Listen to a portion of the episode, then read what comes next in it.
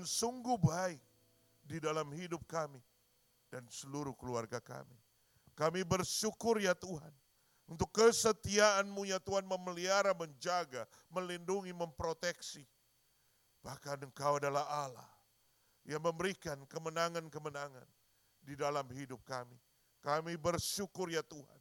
Ajar kami ya Tuhan untuk percaya, ajar kami untuk setia, ajar kami untuk hidup sesuai dengan firman-Mu. Dan berkati setiap kami saat ini. Romo yang kudus yang bekerja berkuasa, berkarya atas setiap kami.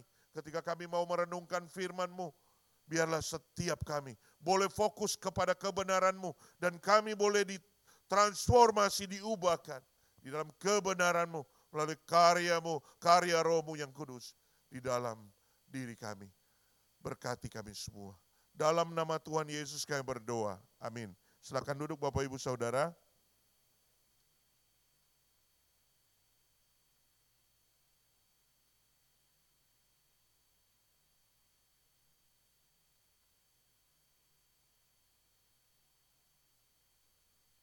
Ya hari ini kita akan belajar dari firman Tuhan dari Yosua pasal 6. Kita akan membaca ayat 1 sampai dengan ayat kelima.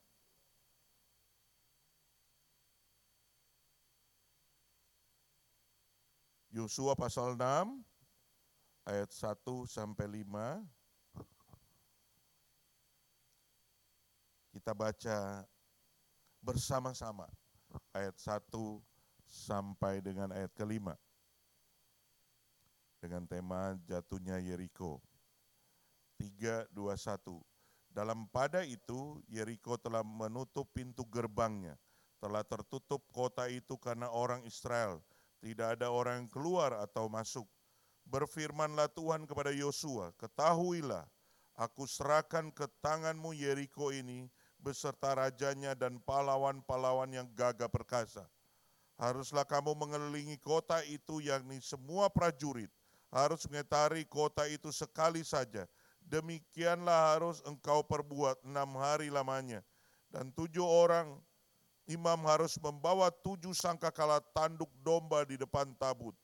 Tetapi pada hari yang ketujuh, tujuh kali kamu harus mengelilingi kota itu, sedang para imam meniup sangkakala. Apabila sangkakala tambuk domba itu panjang bunyinya, dan kamu mendengar bunyi sangkakala itu, maka haruslah seluruh bangsa bersorak dengan sorak yang nyaring. Maka tembok kota itu akan runtuh, lalu bangsa itu harus memanjatnya masing-masing langsung ke depan.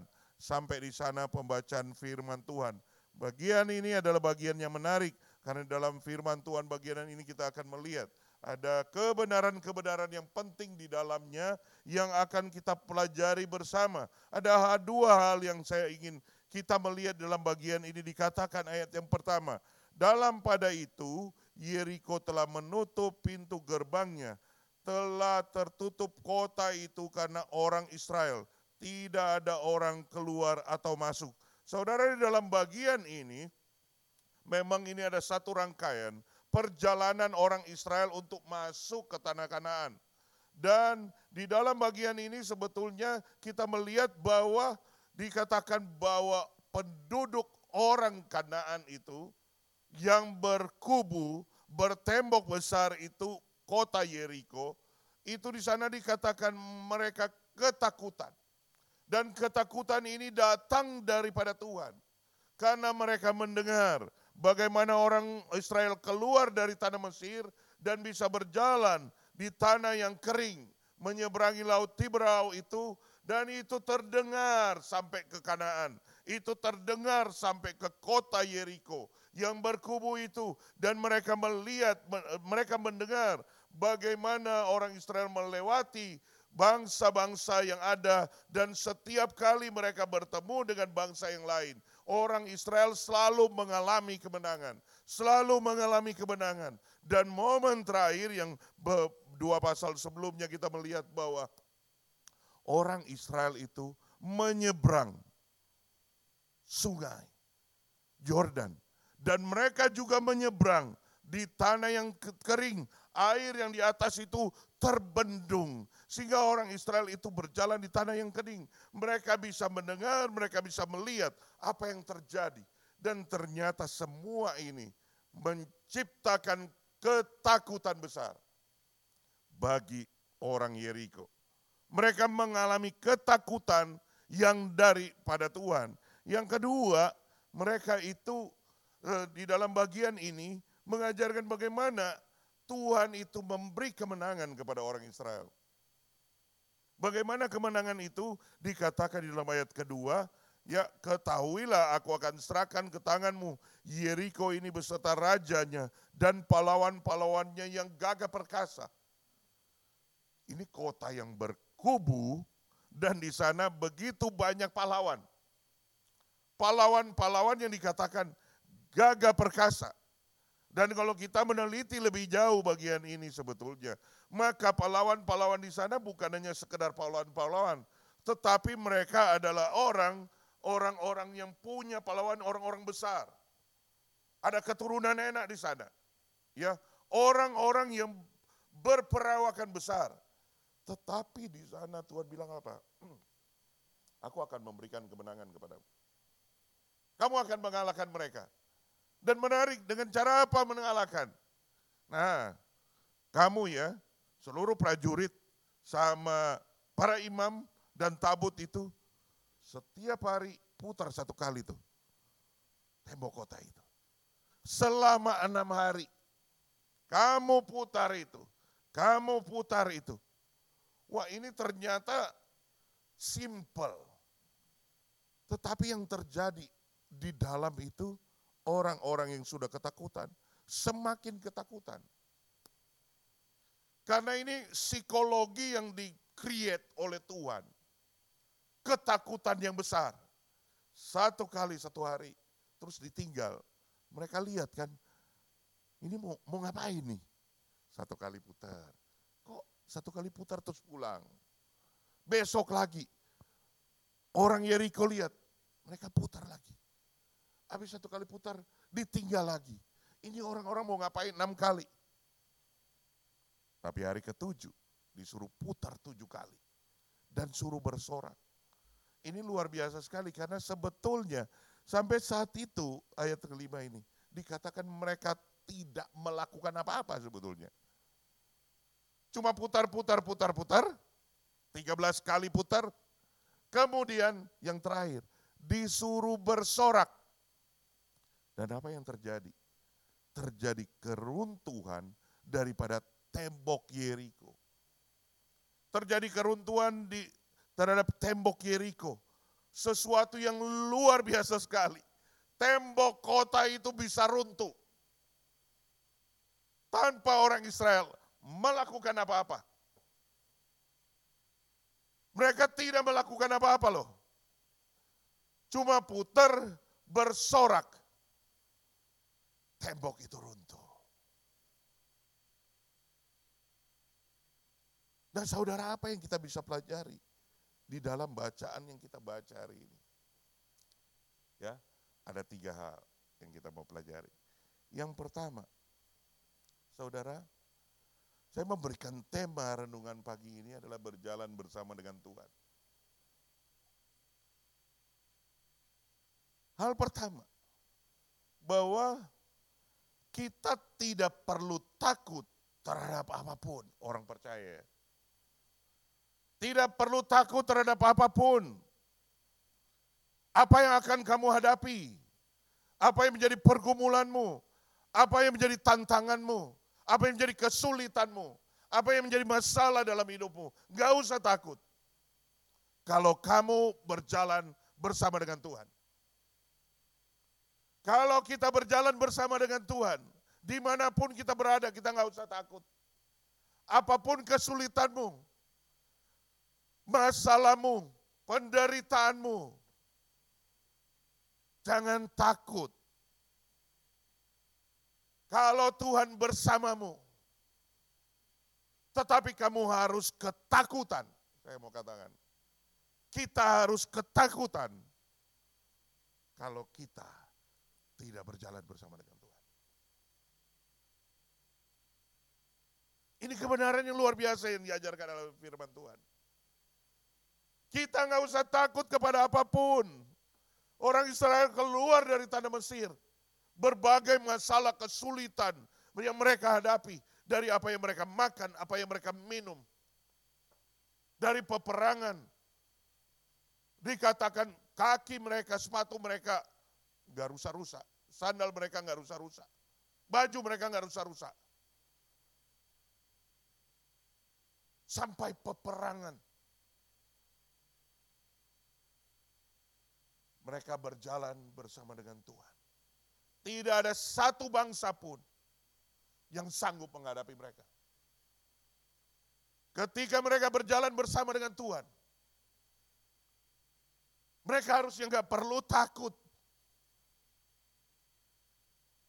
Dan ini pembelajaran bagi saudara dan saya.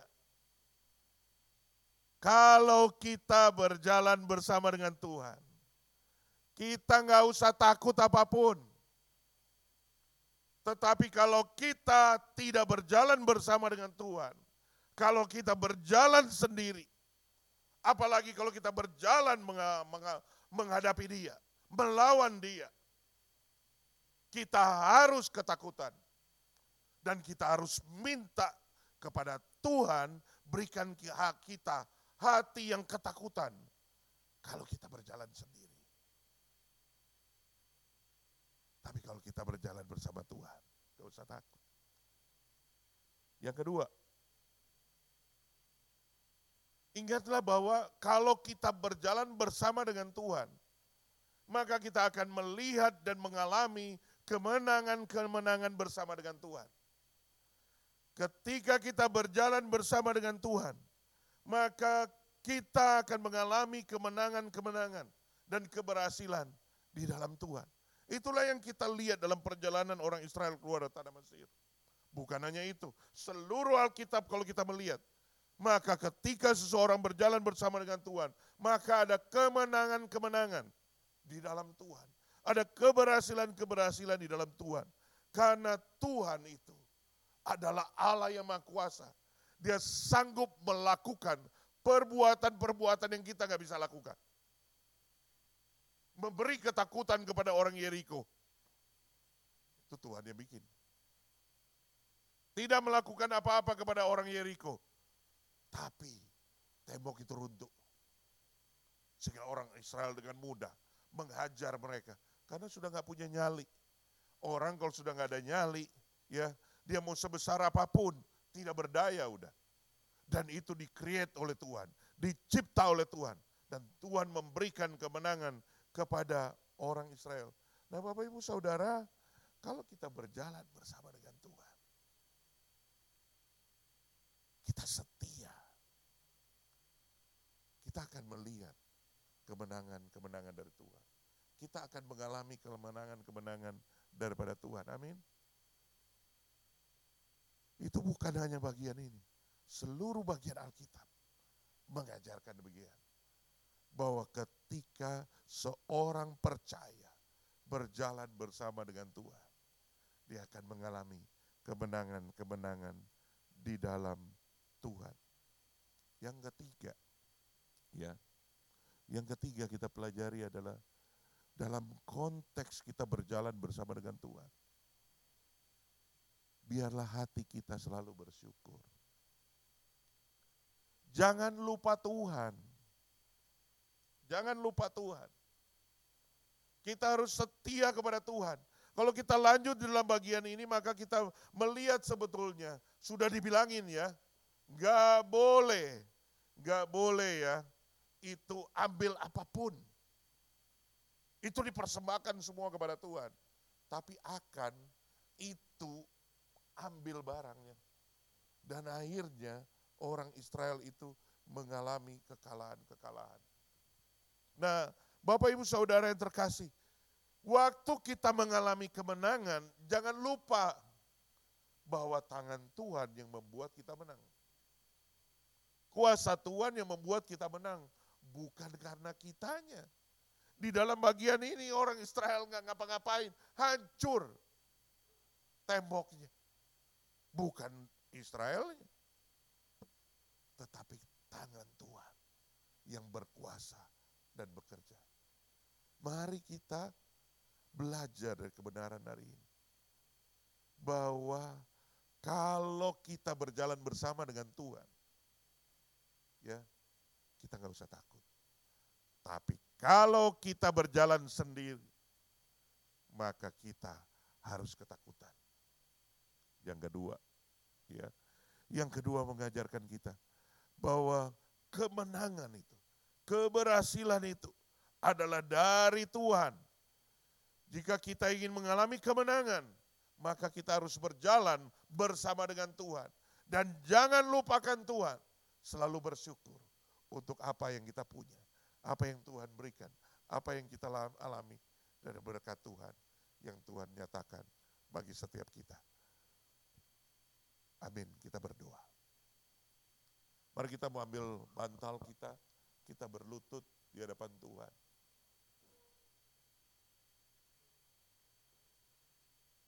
Kita doa secara pribadi di hadapan Tuhan. Coba kita tanya dalam hati. Apakah di dalam hidup kita, kita berjalan bersama Tuhan? Apakah kita yakin bahwa kita sedang berjalan bersama dengan Tuhan? Kalau kita tidak yakin, kita sedang berjalan bersama dengan Tuhan. Minta Tuhan tolong supaya memberikan kita ketakutan. Karena ketakutan itu membuat kita ingat bahwa kita sedang sendiri. Dan kita membutuhkan Tuhan. Sehingga kita kembali kepada Tuhan. Datang doa.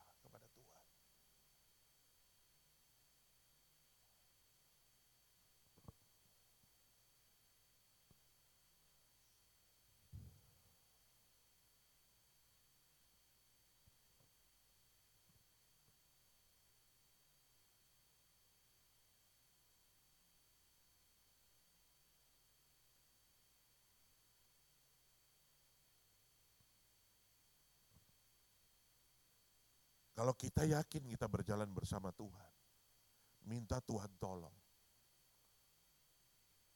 Supaya sebagai orang yang percaya kita boleh melihat pertolongan, kemenangan yang daripada Tuhan dalam hidupmu, dalam hidup keluargamu. Minta Tuhan bekerja. Minta Tuhan yang menolong. Karena tanpa Tuhan, tanpa kita minta pun, Tuhan sedang bekerja. Tetapi kita harus belajar meminta kepada Tuhan. Supaya kita tahu bahwa itu kalau terjadi, itu adalah dari Tuhan. Kita minta kepada Tuhan secara pribadi. Dalam hidup kita maupun keluarga kita. Dan biarlah kita terus punya hati yang bersyukur. Tidak melupakan Tuhan. Doa secara pribadi di hadapan Tuhan.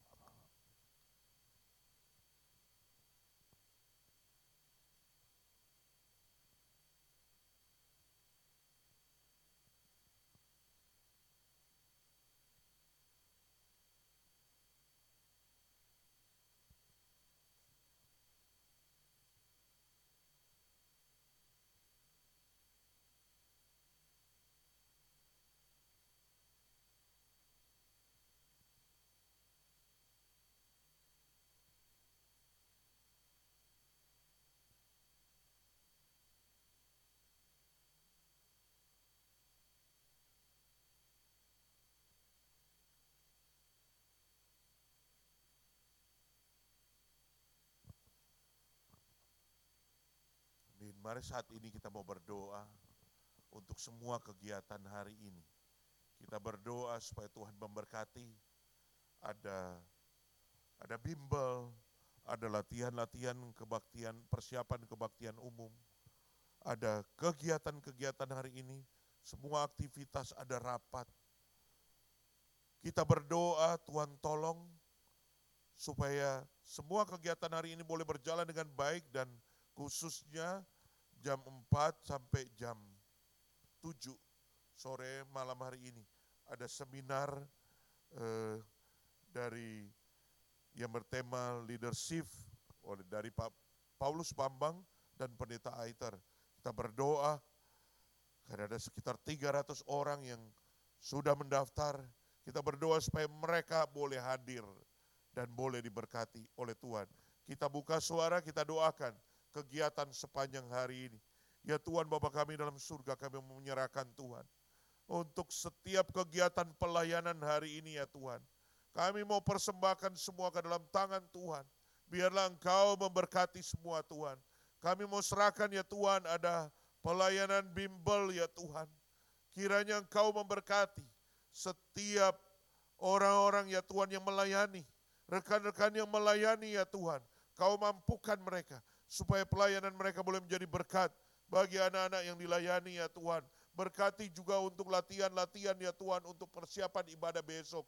Tuhan kami berdoa di dalam nama Tuhan Yesus. Kau berkati supaya setiap pemimpin pujian singers termasuk juga ya Tuhan pemain musik dan juga pelayan multimedia sound system.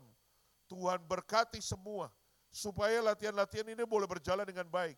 Sehingga kami rindukan setiap ibadah yang ada di gereja GKI Sunter ini adalah ibadah yang dipersiapkan dengan serius, ibadah yang dilakukan dengan sungguh-sungguh, ibadah yang uh, yang dilaksanakan dengan dengan bertanggung jawab dan takut akan Tuhan. Sehingga setiap ibadah besok, nama Tuhan boleh diagungkan, ditinggikan, dan dimuliakan. Dan berkati ya Tuhan untuk setiap yang melayani, Sungguh ya Tuhan punya hati yang bersuka cita dalam persiapan-persiapan. Sehingga besok memberikan yang terbaik. Terima kasih ya Tuhan. Kami juga serahkan ya Tuhan ada rapat-rapat hari ini. Kemudian ada seminar. Uh, ada seminar juga di di jam 4 sampai jam 7. Tuhan berkati supaya seminar ini boleh berjalan dengan baik sekitar 300 orang yang sudah mendaftar kiranya mereka boleh hadir di dalam seminar ini ya Tuhan. Kepadamu kami berdoa, kami juga menyerahkan untuk jam 11 ada pas.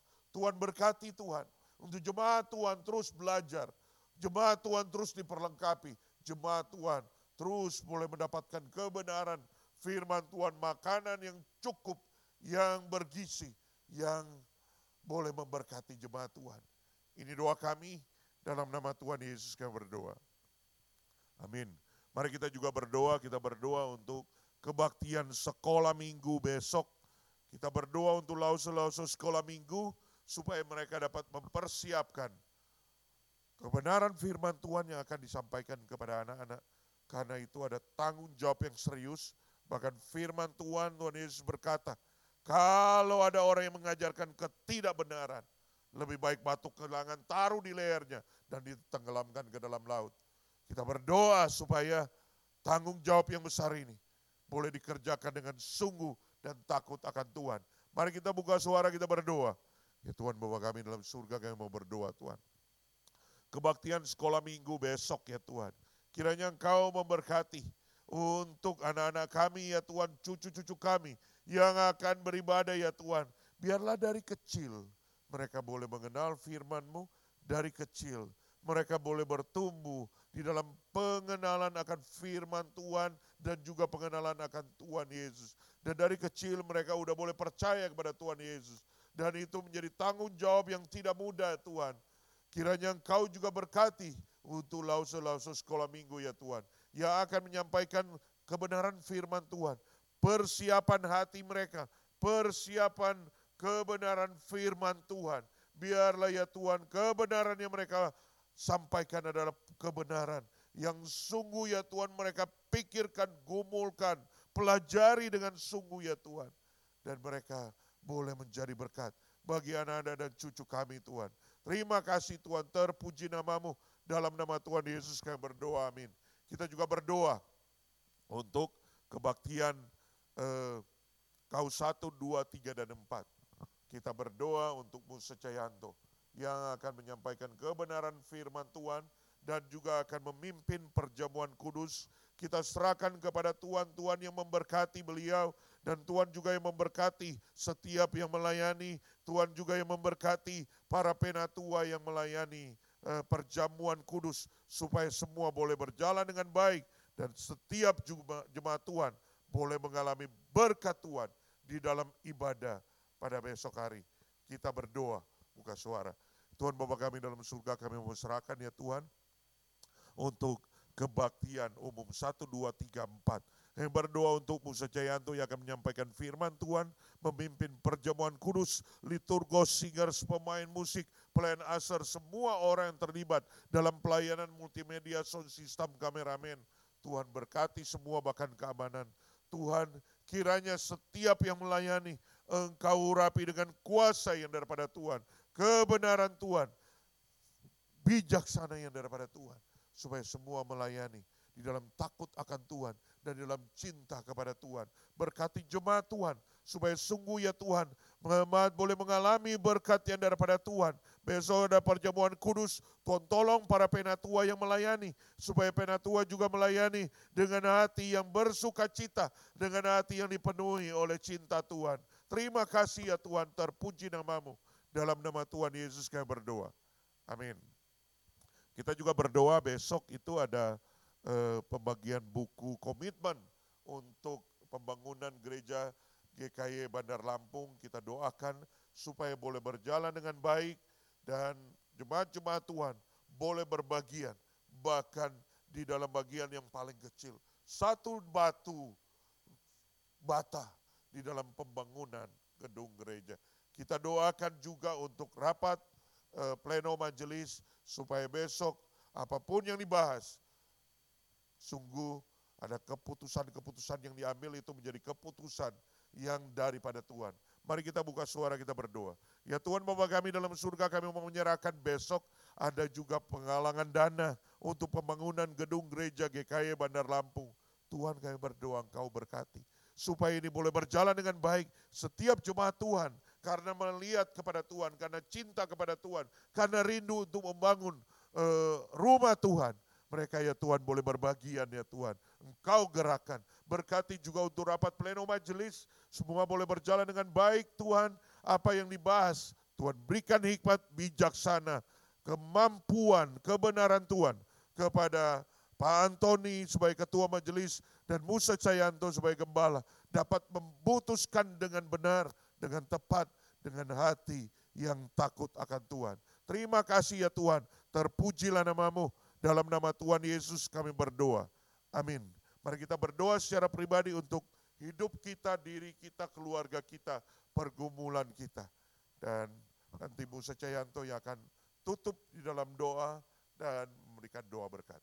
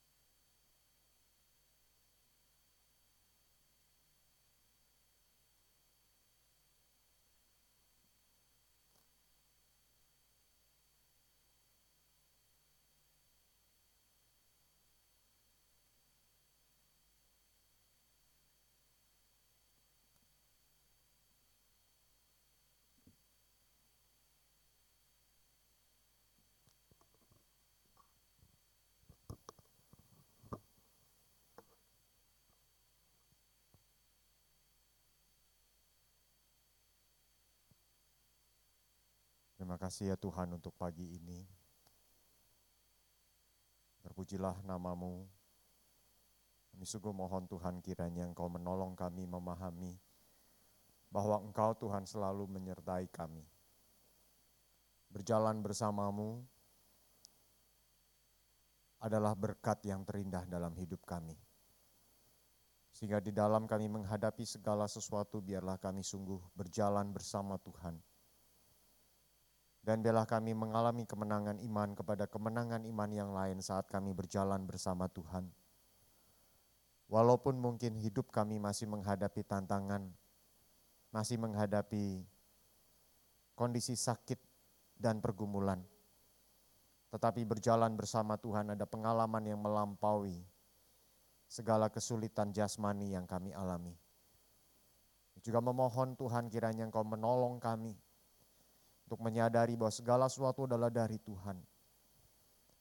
Sehingga dengan demikian hati kami selalu bersyukur untuk setiap musim di mana Tuhan menyertai kami. Terpujilah namamu ya Tuhan, berkati pendeta Matindas dalam setiap pelayanan, berkati juga untuk saudari Lidi yang telah melayani kami.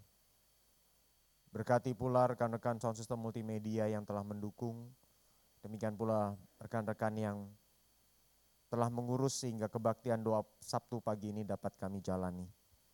Biarlah ya Tuhan kami boleh terus setia dalam melakukan yang terbaik bagi Tuhan. Tuhan bila ada di antara umatmu yang hadir saat ini dengan pergumulan yang berat, dengan perasaan penat, tetapi mungkin hal itu tidak tampak di hadapan orang lain. Ataupun ada pergumulan yang disembunyikan, Tuhan kiranya engkau yang jawab sesuai dengan rencana dan kehendak yang berdaulat.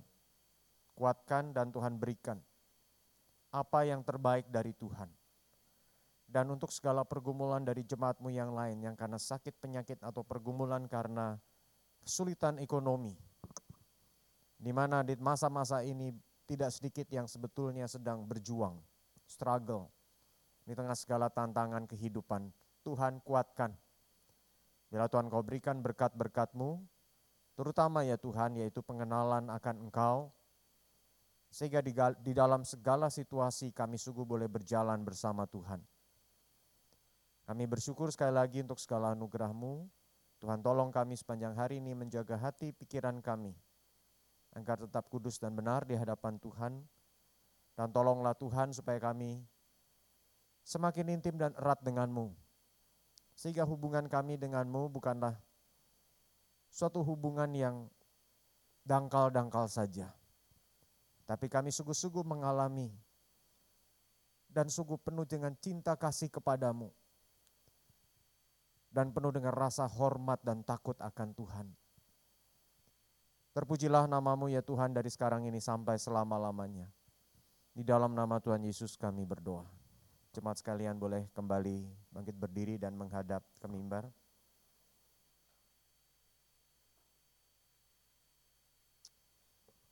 Bapak Ibu Saudara sekalian pergilah dengan terus memandang kepada Tuhan, berjalanlah bersama dia Berjalan bersama Tuhan adalah pilihan yang terbaik. Berjalan bersama Tuhan akan melangkah dari satu pengalaman yang indah kepada pengalaman indah yang lain. Kepada satu kemenangan. Tuhan bisa berikan banyak kemenangan dalam hidup kita. Kemenangan iman, kemenangan dalam pergumulan. Dan biarlah dalam segala sesuatu bersyukur kepadanya. Arahkan hati saudara kepada Tuhan dan terimalah berkatnya. Kira cinta kasih dari Allah Bapa, kasih karunia dari Tuhan Yesus Kristus, damai sejahtera sukacita, kekuatan dari Allah Roh Kudus, beserta dengan saudara sekalian. Bapa terima kasih. Amin. Bapa terima kasih.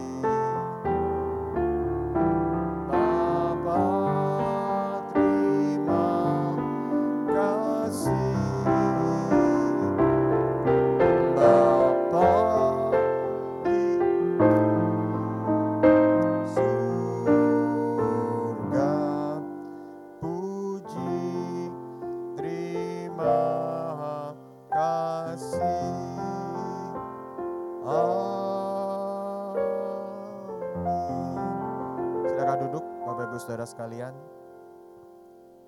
Kita masuki saat teduh, Tuhan berkati.